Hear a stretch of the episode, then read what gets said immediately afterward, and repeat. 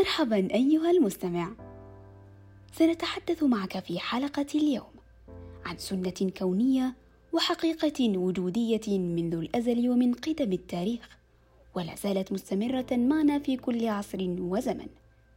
ولكن هناك من حولها إلى قضية وأشعل نيران الحرب لقتلها. صديقي المستمع لقد خلقنا الله في هذه الأرض قبائل وشعوبا واشكالا وألوانا. لنتعارف لا لنشعل الحروب. من الجميل جدا أن نكون مختلفين كاختلاف الأرض عن السماء واختلاف الليل عن النهار واختلاف النور عن الظلام. ذلك الاختلاف الذي يظهر الجمال لا الحرب. إن الاختلاف نتيجة الجمال. فاختلاف الألوان أعطى منظرا رائعا للوحة التي أمامك. واختلاف الثمار أعطى نكهة وتنوعا في المذاق. واختلاف العقول أعطى فكرا ابداعيا مميزا. مثلا لعبة كرة القدم تكون بفريقين مختلفين فيمكننا القول أن الاختلاف أساس الحياة ويضفي لها رونقا جميلا. متعة الحياة بالاختلافات كل من حولك مختلفون فكرا وعمرا وشكلا. فأنت لست أنا وأنا لست أنت. فاختلاف أنماط الناس إيجابي وتكاملي ولكل مختلف نصيب من التميز. لنتأمل معا.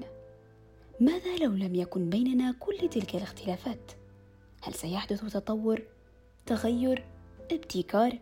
هل كنت تتوقع يوما ما أن تشاهد تلك الصحراء القاحلة تتحول بأكملها أو ربما أغلبها إلى ناطحات سحاب نتيجة اختلاف العقول والأفكار. هل كنت ستمسك هاتفك المحمول الآن وتستمع إلى حلقتنا اليوم؟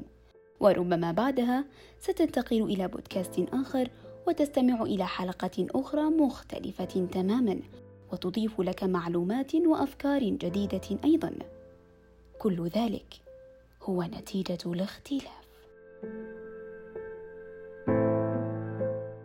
صديقي المستمع. الاختلاف الواحد قد يحدث فارقا كبيرا. أما التشابه فغالبا سيقودنا إلى الرتابة والملل. روعة الاختلاف تكمن في الجمال والإبداع.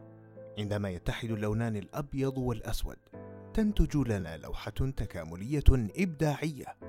عندما يجتمع الكبير مع الصغير فيثمر فيه من القيم والأخلاق الطيبة.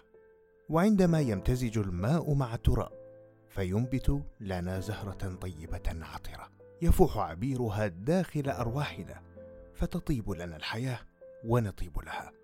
الاختلاف ثقافة لا بد أن نعرفها جيدا، إذ أن ظروف الحياة سترغمنا على معرفة أنماط هذه الثقافة والتعامل معها، فلا بد أن نتعلم ثقافة الاختلاف لا الخلاف.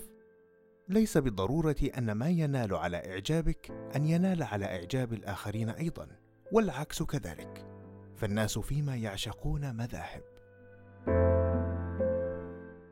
خلقنا الله مختلفين لنتعايش معا لا لننفر أو نسخر من بعضنا أو نشن الحروب أو نسعى خلف الهروب.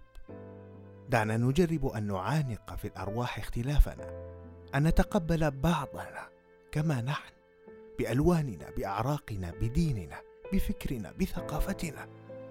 لأن الاختلاف هو أساس الحياة.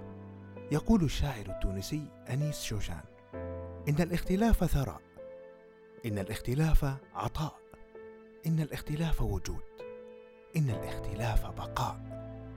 يا ابن آدم خالفني واختلف عني حتى وإن كنت دون معتقدي أبيضا كنت أو أسود فقط كن أنت ولا تكن هم. دع ذاتك تسمو وعانق عمق الحلم.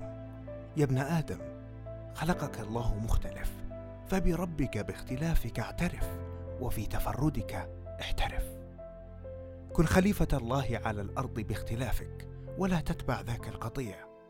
عش حرا يا ابن آدم فهذه الأرض للجميع. عش حرا يا ابن آدم فهذه الأرض للجميع.